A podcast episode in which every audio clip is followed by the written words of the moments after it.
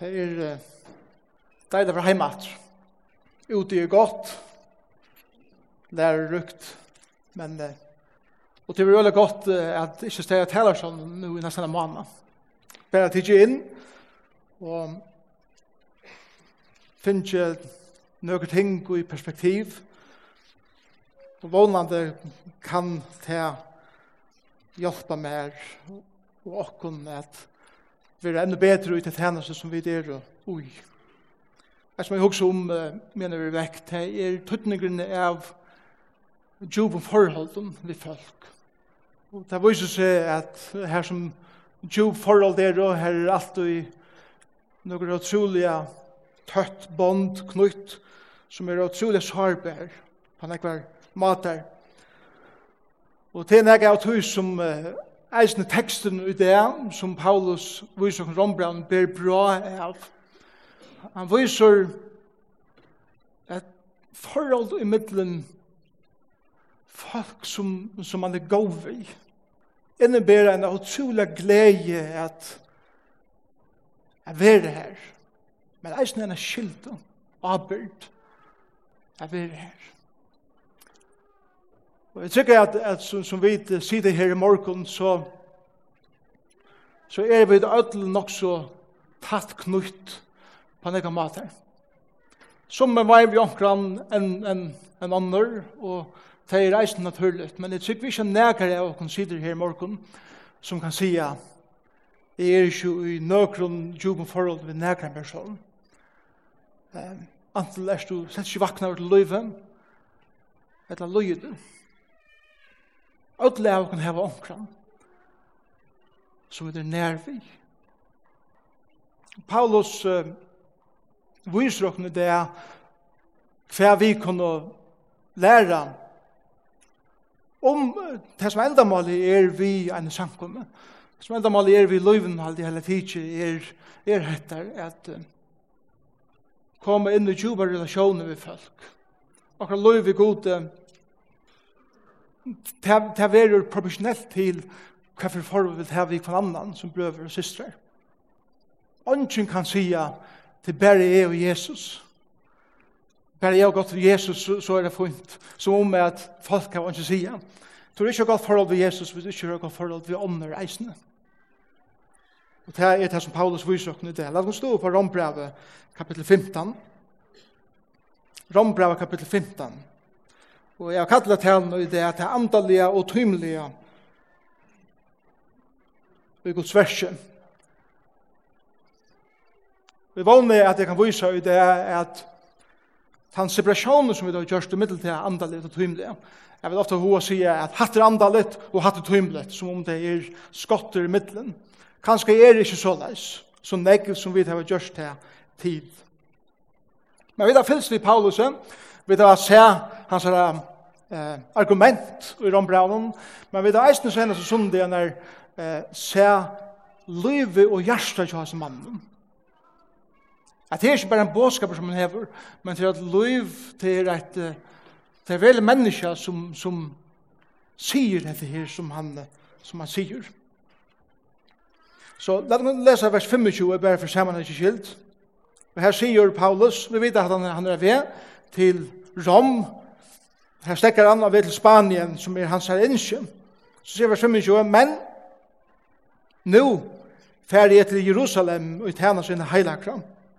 Til Makedonia til norra parsen av Grikalandet og Akaia som er sunnare parsen av Grikaland. Vilde så feien sjåta saman neka og til året koinonia. til vil det så feien heva samfella, vi hinne fatak og mittel hinne heilave og Jerusalem. Jerusalem Det er veldig så feien gjerra det. Og så er det teksten som, som er kommet at Hei nærre etter det. Og det standa eisen i skuld til tarra. Tøy, tøy hetningane her finnes parst og i andalige gåon tarra, altså jøtana, skilda teir, altså hetningane, teimon, jøtnen og eisne, er tæna teimon vi hinnon tøymelige. Men det herren signa sitt år. Så vi ber sammen. Be her om at ja, hessen teksteren som vi har framme fyrir okken i dag og i rombraunen skal gjøre okken innlid inn og i kurset to innskjør at vi skulle relatera til hver annan og til tøyen. Vi ber her om at vi hjelper okken at jeg får innlid i det inn og i hvordan negv gypri okkar forhold det er enn vi kanskje menga gjør det til det to er vi skapt det. Og lærer okkur tog at trakke inn og i dybdenar som to er vi skapt fyrir okkur heldre enn å røyna skapa okkar egnu som ofta og som oftast er det så medelige grunnar. Lærer okkar tåra at trakke inn og i kostnaden av at heva djup forhold til mennesker. Pynene er av det så vel som gledene og dårdene som det gjør dere. Her tek du til året det og gjør det livende, og gjør mer nøye, og myndeleika og åpenleika et. Tala det og gjør dere øtlen åpen øyrer, til å høre det som to taler til dere sinne, dere gjørste og dere vilja i det. La det være en samkomma som ikke best er årere, høyrere årsens, men gjerere tess. Jeg vet ikke bare er folk som vita nek for skriften, men jeg vet tåre at trakke ut og jeg kan gjøre en steg og, og livet det. Fylgjøs vi her Og høyre at hun andre drott teska inn i okra øyre hvordan nek du elskar okkur hvordan stårar under for det atlandet du hever i akkurat livet? hvordan du kommer nær til det svujer, hvordan du kommer nær til det ikke vilja løyve her enn om og du bryr at grava og prika. Takk deg for dården og jeg fylses vidt her. Og jeg takk deg for pynene og jeg fylses vidt her. Vi elsker deg, Herre Jesus. Og vi innskjer at du skalt eia første plass her. Og verri med og åkken fra når jeg teka til plasset som eina er tøyt. Prysa og ære er tøyt navn. Amen. Paulus tåsar om at jeg ville så fegin djeva. Og hadde året fegin til etter året Det er akkur som er vil ordet gjerne være vi. Og så er det kanskje anker som du vil iverrasker at han så sier, men forresten, til jeg som tenker skilt det jeg gjør det. Kanskje anker fatter det som om at jeg var ordentlig glad og nå er jeg leiet og alt. Nå ble det en avbørt, nå ble det en skilt det jeg gjør det. Men sannleggen i tannet er at det er ikke det som Paulus gjør. Han gjør noe nek nek større enn det. Det første som Paulus viser i sin teksten er at det er et samband i middelen gledina ui at djeva og offra seg, og arbeidna, eller skilden ui at djeva seg og, og offra seg. De personer som er nærmast mer om min liv er ond kona min. Hon er den kvinnan som hever, eller hon den personeren av hese folk som hever givet mer størst dord og størst glede og størst viring. Samtidig som den kvinnan som hever skuffa meg mest og valt meg mest på innan, og sørg. Og det er underfullt at fylgjes vi en slik person. Forholdet, det sambandet i middelen er at gledast om at offra seg og at jeg er avbyrdende og skyldig at offra seg kommer veldig kjent der i tjunabanden og i akkurat forhold middelen foreldre og akkurat bøten men eisen i hele tid og i forholdene som er djibri enn bæra i iverflatan. Vi gledast om at kunne tjene kvarnøren og hjelpe kvarnøren. Og til at vi har avbyrder, eller skildre i fri kvarnøren, på anga måter om forholdet i djupt tegur gledene bostur. Om gleden vi tidsen bostur, tar vi til trakk i avbyrd, så er det tidsen på at forholdet er ikke noe djupt. Du er ikke greve noe lengt nyer enn til at bæge skuina og i syne dørt. Og så kjøtt som er tætje avbyrdna borster fra at skulle være at her vi om, eller mine bøten, eller andre folk som jeg at heva, og sier, tøy mykje her til at jeg misser gleden av det, så dreper jeg forhold. Og så kjøtt som er dreper jeg forhold, så dreper jeg en parst av meg sjølven. Og Paulus viser okken nå her, hvordan han medelig områdene der, er. Og så Paulus sier vi okken her etter, at avbyrden, eller skildan og gleden, og jeg djeva, djeva mening ta vi vita kvui vi djeva, og eisne kvann vi djeva tid. Og eisne teksten her beint. Ta vi vita så feien djeva det, men det er mest minnet det kna at det er at det er skilte, og at djeva. Fyrst er det kvui spurningren. Kvui djeva vit. Kvui offra vit. Kvui teka vit arbeid iver fri okkara forholden som skulle bli gypre. Fyrsta grunden som gjelder Paulus vysokne i teksten her er tui vi djeva omgandu i nøkru neka som okkun ikkje er djive fyrst. Vi djeva omgande nøkron neka som okkun ikkje er djive allar fyrst. Paulus og i sin teksten røyner ikkje skapa åsundar skuldakjensler, da han sier det her i vers 22. Tid standa eisen i skuld til tarra. Altså han sier det i hetningene, at han standa i skuld til jötanar. Paulus røyner ikkje i sin teksten og sier, forresten, tider hetningar er jöte, Så tisan du skuld til møyen. Gi meg penger. Det er ikke det som Paulus sier. Paulus sier heller ikke at minst til hetningar alt og imot et heva eina og utrolig stora viring for jøtene. Jøtene er Guds utvalda folk og tog imot alt og gengo i en viring for heimen. Det er heller som Paulus sier i sin tekst nedbrent. Jøtene er og futsundar Guds og Kristus er Lukas nek som ödlander er, som ikke vil trykva at Kristus er Messias. Så det er ikke det som Paulus sier i teksten her. Han er heller ikke, det er heller ikke en tekstur som, som fullt gjør tæna er. Folk som er, kunne sija, Hetta er ein tekstur sum vísir á at at tey sum standa og tæna so harran skulu vera betur tant enn ånder som ikke er til henne herrans. Hvis jeg brukte henne teksten så så er jeg mist nøyt teksten. Det er ikke det som teksten sier helter. Paulus viser dere nå at det er pura naturligt at djeva og signa under som har signa åkken som nekv. Ta i tei er utrangt og har bruk for hjelp. Det er det som grunderleie og i hukvun til Paulus er. Og i djupe relasjonen med folk, og i okkara forhold til vi kvann annan, er vi öll djevarer og mottekar.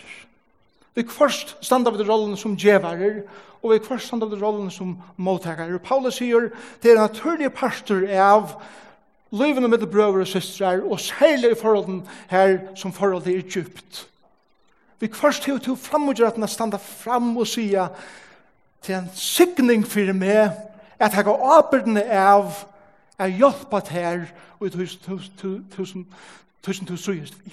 Og det er videre videre sankumann i Jerusalem suttest. Nei. Og vi først fai er fram og ratten der onkur trakkar inn i munar omstøver og sier til en veldig glede at jeg og arbeidene nu er kunna tjene til Og det som Paulus sier, i sin teksten, her bænt. Det er spæra til. Det er nekka gypri enn til her. Det er et koinonia, det er et, det er et samfunn, det er djupt, innelitt, heilagt samfunnet som er skapt i midten nokon. Og det er at vilja tæna kvar nøyren, det er en glede ui tui at, at jeg kunne hava så innelige og djupere relasjoner vi folk koinonia, nega som binder okken saman. Etter en glede for meg at jeg har avbyrdena. Og har stande skuld til at jeg har mer av øren. Hvor er spørningen? Hvem er etter? Altså avbyrdena og gleden av at jeg var mening til å vite hvor vi gjeva og hvem vi gjeva til. frelsa Kristus her, er givet noen fru. Hon er kostnader mykje for Kristus. Han gav sitt liv for okken, men hon er givet okken fru. Og tog skulle vi djeva, ikke bare bådskap om frelsen, men okken sjolv, til ånder. Pura frukt. Det er kostnader mykje. Ja. Det kostnar mykje å være eimer, det kostnar mykje å djeva når jeg er så sjølven til en annan person. Særlig at det, det fer inn og omrøy hver jeg veit, er det bilen som jeg. Særlig at jeg er nødt til å åpne med sjolvan at jeg mer er øyla nek som feilar. Vi er øyla fyrir for å vise til for folk til at færa deg at dame eller ikke. Det er så ikke veldig hvor jeg er. Det kostnar mykje at åpne seg fyrir en øren person. Men Paulus sier, men under driven av kærlighet av Kristus her, hvis han driver det til av det her, så får det tåra meir og meir at åpne det. Til du veist at det er en her som elskar meg akkurat som jeg er. Og da jeg begynner å åpne det her, Og bæg til ringe og til gå i mer og i mine forhold vi mennesker. For at det er at relasjonen er gjøres enda kjipere. Det er Paulus sier vi det tryggvande i Uran til standa eisen i skuld til terra. På en måte teker stolt at han borster. Og til er et av høyspunkten i isne som Paulus aldri sier. Forsettet det kun til sikvandi i Makedonia og eisne i Akaia og andre som var vi annars. Kunde sagt, Jeg vet det fantastisk. Vi tar samla pengar sammen. Vi tar offra neka. Og vi tar givet heimon fatøk i Jerusalem. En gav. Det føles godt. Paulus her potensialet for å gjøre stolter. Og vi er ødelig ut i eisen i det. Jeg har ikke haft en veldig tale i det. Vi er det given her. Og til øyne kjøttet på stolter. Paulus vil akkurat som, og, og Kristus gjør til at tøyen han haler, beina vi han er stolter han nyer. Og tog sier han minst til. Eh, ikke også som om at hit nå kommer at gjøre noen som, som er fullkomliga vånleisur og ikke kan gjeva atter. Tid heva langt finnje negra fra teimum som ikke kan metast i pengum det joknen. Frelsan kom og joknen jötanar. Tei heva langt å gjeva tikkum Han den underfuta bådskapen som tid av tidsi motor som hever givet hikkum kraftene nu til at kunna geva atter. Atter. Så tid hetningar og til vi føringar, vi er ekta er hetningar. Ikke blå stolt. Ta i tid djeva omkron, tog at i ödlun djupen forholden og relasjonen til andre, heva tid langt mot ikke, arren. Det er omgane nega djive tikkum, Eta ti djeva omgane nega til negran som ikkje avur eller arren i djive tikkum og forresten tid jøtar. Jeg vet ikke noe jøte er her, jøtiska rett, men tid jøtar, sier Paulus, og i sin teksten her beint. Tid må heller ikke bli stolt. At tid halda at Kristus kom i jøknum okkom. God utvalgte jøtarna til at gjør okkom til særlig folk. Det Paulus sier minst til God tog tikkar Messias og han gav ødlom han. Hedningon og teimon som lukta annerleis enn tid, og tei som hava annan hua lit enn tid, og tei som hava annan tungumal enn tid, og tei som koma fra øren bakgrunden, og sosialen standard enn tid, tei givet teimon pura frukt. Så ikkje halda tid av anka rett på glede i bådskapen heldur. Så det er hva Paulus sier. I bavon relasjonen og i som forholden, teker han stolt av han bort. Og det er det som Paulus sier i okkara forhold vi kan anna neisende. Og vi talte er vi til okkurs meir enn okkar annar. Det som Kristus sier i okkar loiv i retna tøyina er teker han stolt av han bort. Så vi er åpen og ærlig og kan sier jeg djeve til at det er mer givet fyrst. Og med å finne noe særlig for herren, så er det omgang det bæra til myen at halda fast og, og ikke gjøre på gjerne. Alt som han gjør mer er alltid atla til å gjøre vågjere til andre og å sikne andre vi.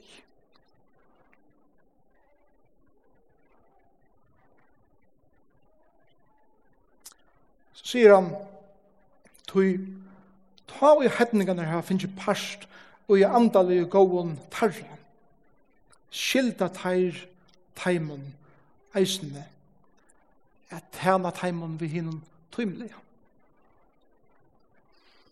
Her kommer det inn og hentet spurningen om, om hva, hva er andalett og hva er tymlet.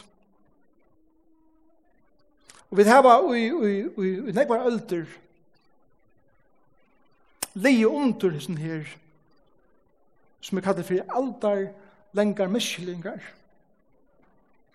For det kommer til sambandet mellom det andalega og det tymlega mennesker gjør det lister i hver hver er andalit, og hver er tøymlet. Høgs om puritanske rørslinar. Hver, hver, det ble oppmuntret til at separera vi heimen, allt det som heimeren bjóar, gleden og stuttleik som heimeren bjóar, må vi skilja okkur fra. Så du kan ikke njóta en gåan kaffemunn. Du kan ikke njóta en gåan sjånleik. Du kan ikke få deg godt lesa vun. Du kan ikke njóta en gåan dans, eller hva det skal være. Tog at vi er alene til en annan bostad. Som om jeg vil pynast. Her er gjør. Til puritansjen. Hoksnar hattren. Som er helt positiv. Og en ekvann fyrir. Så er det eisende andalige kastsystemet kan vi se seta öll mennesker inne i hans er basen der hver man er av stian og rent andalige. Og så, det er aller andalige, det er tro på herner. Det er de som færre ut, det er kunngjere, evangeliet for dem som mange har hørt evangeliet for. Wow, det er andalige. Så kommer prestaner, pastoraner, uh, det er stand her og tale årgods, det er være bant under tro på herner. Så, så kommer henne som, som velger offre seg for ut og hjelpe dem eh, som, som ikke eier. Ta i, ta i naturkatastrofer reka, så færre så falsk ut, og de sier arbeidet fra seg i ekstel viker, færre for ut her og hjelpe dem som løyer ned. De er her oppe i Så er det henne som færre kjølbøyene ut, jeg hjelper til til forskjellet. Og så er det tænast og folk, så er det arbeidere, og så vil han langt langt nye, helt til man kommer alle nyas til sækførerne, og, og tæsleie.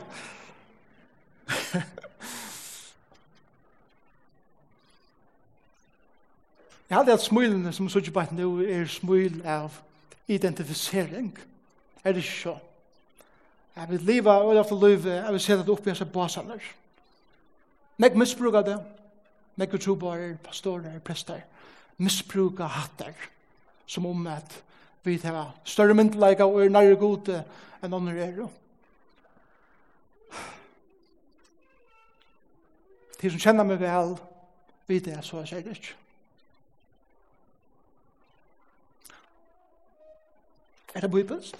Nei. At menneska gjørst smyja. Paulus vil hava det her bostur. Og han vil hava okkon at få det her bostur. Vi er öll er og elskaje og omfemd av Kristus. Det er ikke måneder av okken til vi standa framfor Kristus i en dag. Kanskje for måneder er at han, at det som er kastsystemet her har gjørst, er til at på nekka måte har jeg langt finnes mine løn her og gjør. Til man vil sette på hans her hatten her som han slett ikke selv ikke vil av. Og da vi kommer til himmels, så vil Kristus si, jeg kan, så lager finne ikke nekva til løn her nere. Der man får her seg frem et, som har vært hjertan for senere og gjørst alt. Men omgang det finnes ikke nekva skjønnelige virkjenning for det. Nå er det tarra turer, skjønnelige er det litt frem.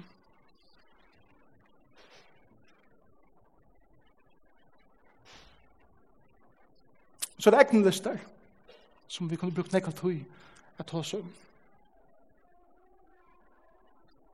Ta andalega og tøymlega han har separasjonen her som vi da gjør han til er ikke å finna i skriften om. Ta andalega er tøymlet. Ta tøymlega er andalet. Kristus sier sjølver, «Mer ikke vi alt vald, og hemmelig og gjør. Mer ikke vi alt vald, bæg jo i andalega, og eisne og i tøymlega.» Og i alle områdene i livet er jeg herre. Og jeg skal få løyv i å trakke inn, ikke bare sånne det, men ta i et her som er andalig bøna av, men eisen måned det, ta i et her som en arbeidsbøna av, er jeg eisen herre uten løyve. Er jeg herre uten likame, sier Kristus. Er jeg herre uten sinne og hva kommer inn i her. Er jeg herre uten tjonabande. er jeg herre uten heime. Jeg er herre i tunn arbeid. er er herre i tunn tøy. Jeg er herre i tunn forhold. Jeg er herre i tunn pengen. Jeg er herre i tunn er ubygving. Jeg er herre i tunn ognen. Tunn kunst. Tunn tonleik. Her som du fyrst, Atlas henner. Her er i herre. forløysande. jeg kunne vite at det som jeg gjør er rent praktisk at omrøyne min løyve som jeg annars har separeret fra til jeg vil andaligjør er Kristus eisen til stig er det ikke det? er det ikke godt jeg vet At det som tog han som sitter her det, og du hukser, åh, hei, jeg bare kunne tant herren og betur, hei, kunne gjørst hatt der, eller hit. Og i løvdene, så vi er det. Hvor han sier, tøyn løvd, er ikke bare den fra vetsene her. Tøyn løvd, er det som tog kjærst. Og her som tog færst. Jeg kan så tenne meg. Samtidig som det er forløsende, så er det reisen jeg synder så leis. Uh. Det er nok knapt det betyr at jeg Kristus skal leisen inn og omreis som ikke helst vil løyve honom inn.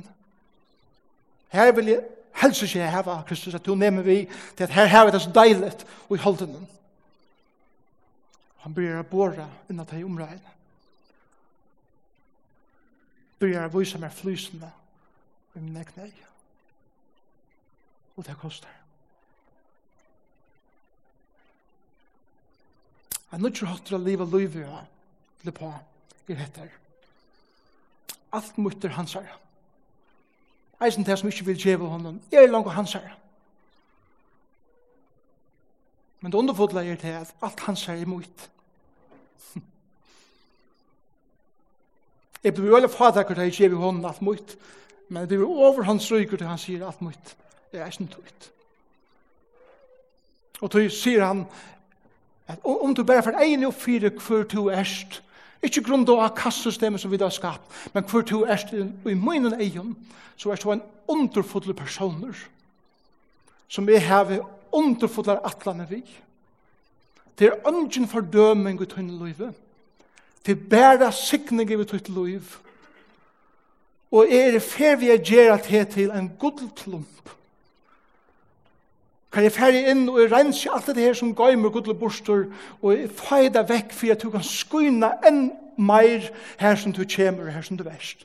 Lyga mykje om det er sunde morgon eller manna morgon. Det er det som Kristus vil gjøre ut her. Han, han vil få fram dørtene som han har lagt ut her.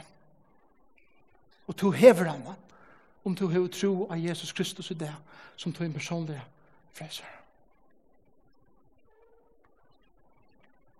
Hva halda dit dronkeren hente her morgenen, da Jesus tala til folket og klokkan blei negg, og folk er sveng, og ikke mæter er.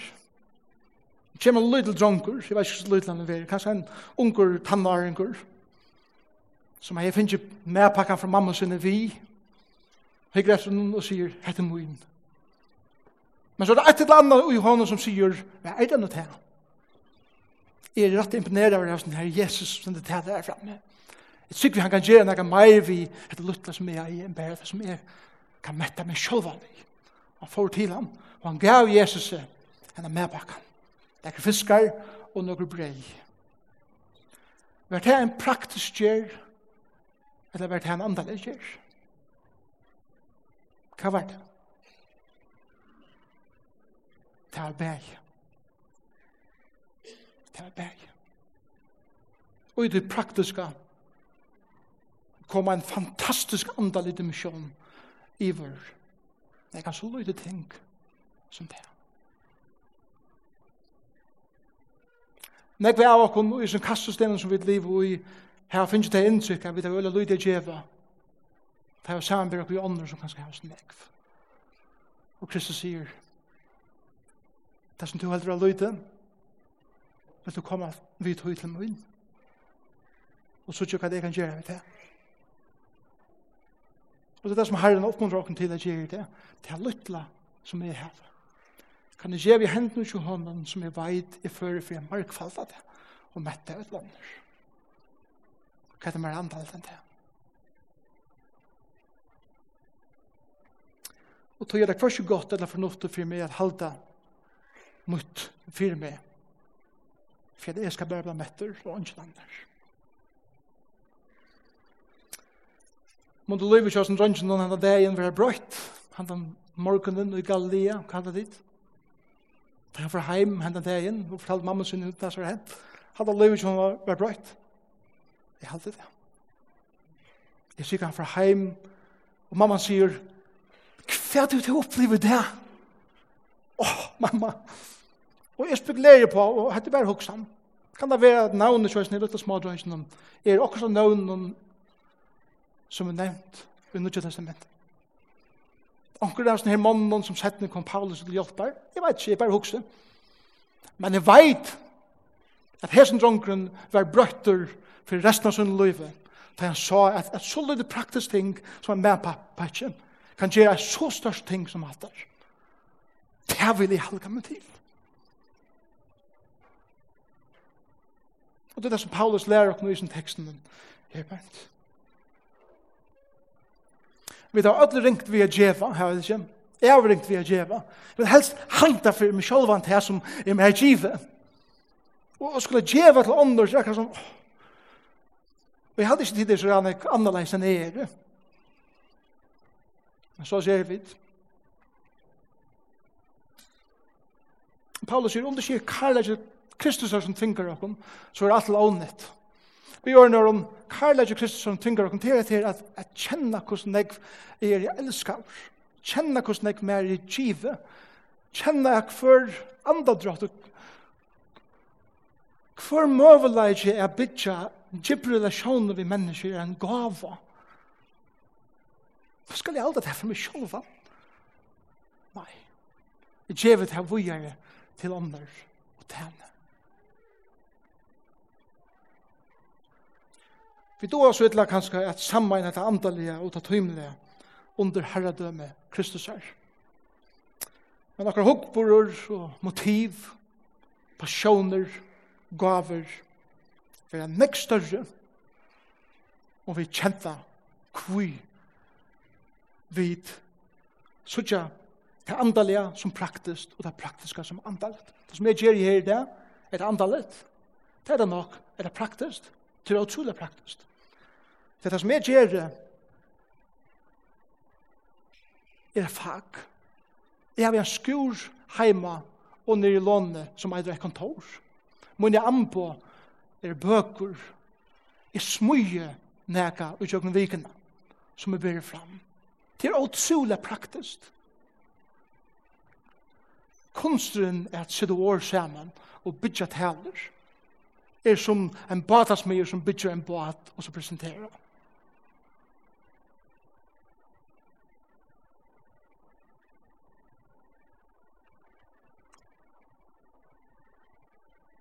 Antonius Strativari stod inne i skolen i Kjassar og smuja i violiner. Og han sier såleis, God til å bruk for violinerne, at det er sin tonleik høyrast i heimen, Og om instrumentet ikke er godt nok, så vil tonleikeren øyelagt. Og han setter seg fyrir at ønsken vi lim skal ut ur mine skure for en det menneskelige er gjørst så vel som det kan gjerast. Og han sier, det kan være at nekva ånden gjør vi liner, men ønsken annars skal gjøre vi liner som er.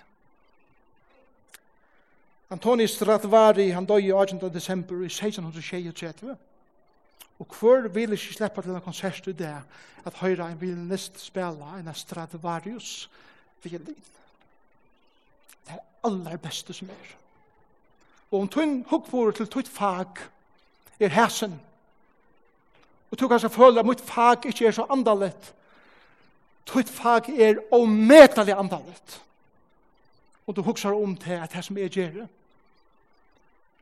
kan vise hvor god er og opphever hans navn. Sjalt om jeg kanskje omgang du får høve og i munnen fætje at nevne hans navn vi navnet, så er alt som er gjør i utsvalet hånden til dørt, tror av god soverener, det gjør jeg.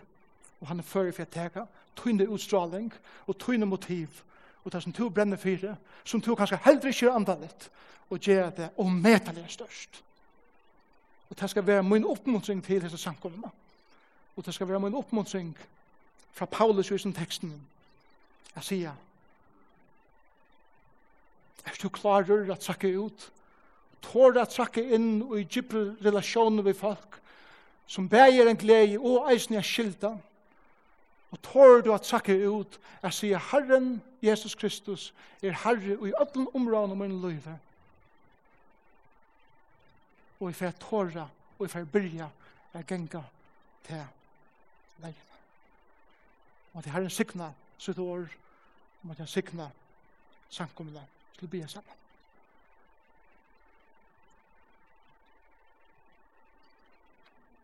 Takk Herre Jesus for at du bjergar kom fra a spela andan.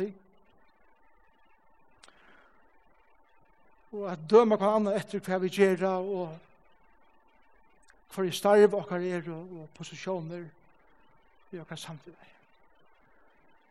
Så at han hukkboren mot okker nøyre og gjør til at okker relasjoner omgående blir så djupar som du innskyld har slik blir. Så vi samanbæra og vi gjør øvensjuk og vi gjør stolt. Testa vi denne teksten som Paulus har mynt okker nå i det at vi tar omgang grunn til å bli stolt nærkant du. Så vi gjør omgang nærkant som okker ikke givet først. Og takk for at vi kan lota til her vi kan øren. Lugga mykje om vi dere og Tøy søgjene som djevor, eller hinner som måttekur, og vi dere som oftast er baden. Takk for det. Takk for at jeg fyrt her og tunner asjon. Ta vi slett til jeg egnet, for det ikke spyrja hva gjør det du. Men det er bare spyrja hvordan gjør det du det som du gjør det. Og tøy bygge her i om at hentan vikan som vi trakker ut og i, i det, som fædla arbeidsmorgen, at okkara skurer, okkara skrivebord, okkara sted, som vi standa til arbeid til å sita. At her verur tutt rujtje, som er halka der, og i ödlum som vi gjerra. Og i Jesus er navn. Amen. Takk fyrir.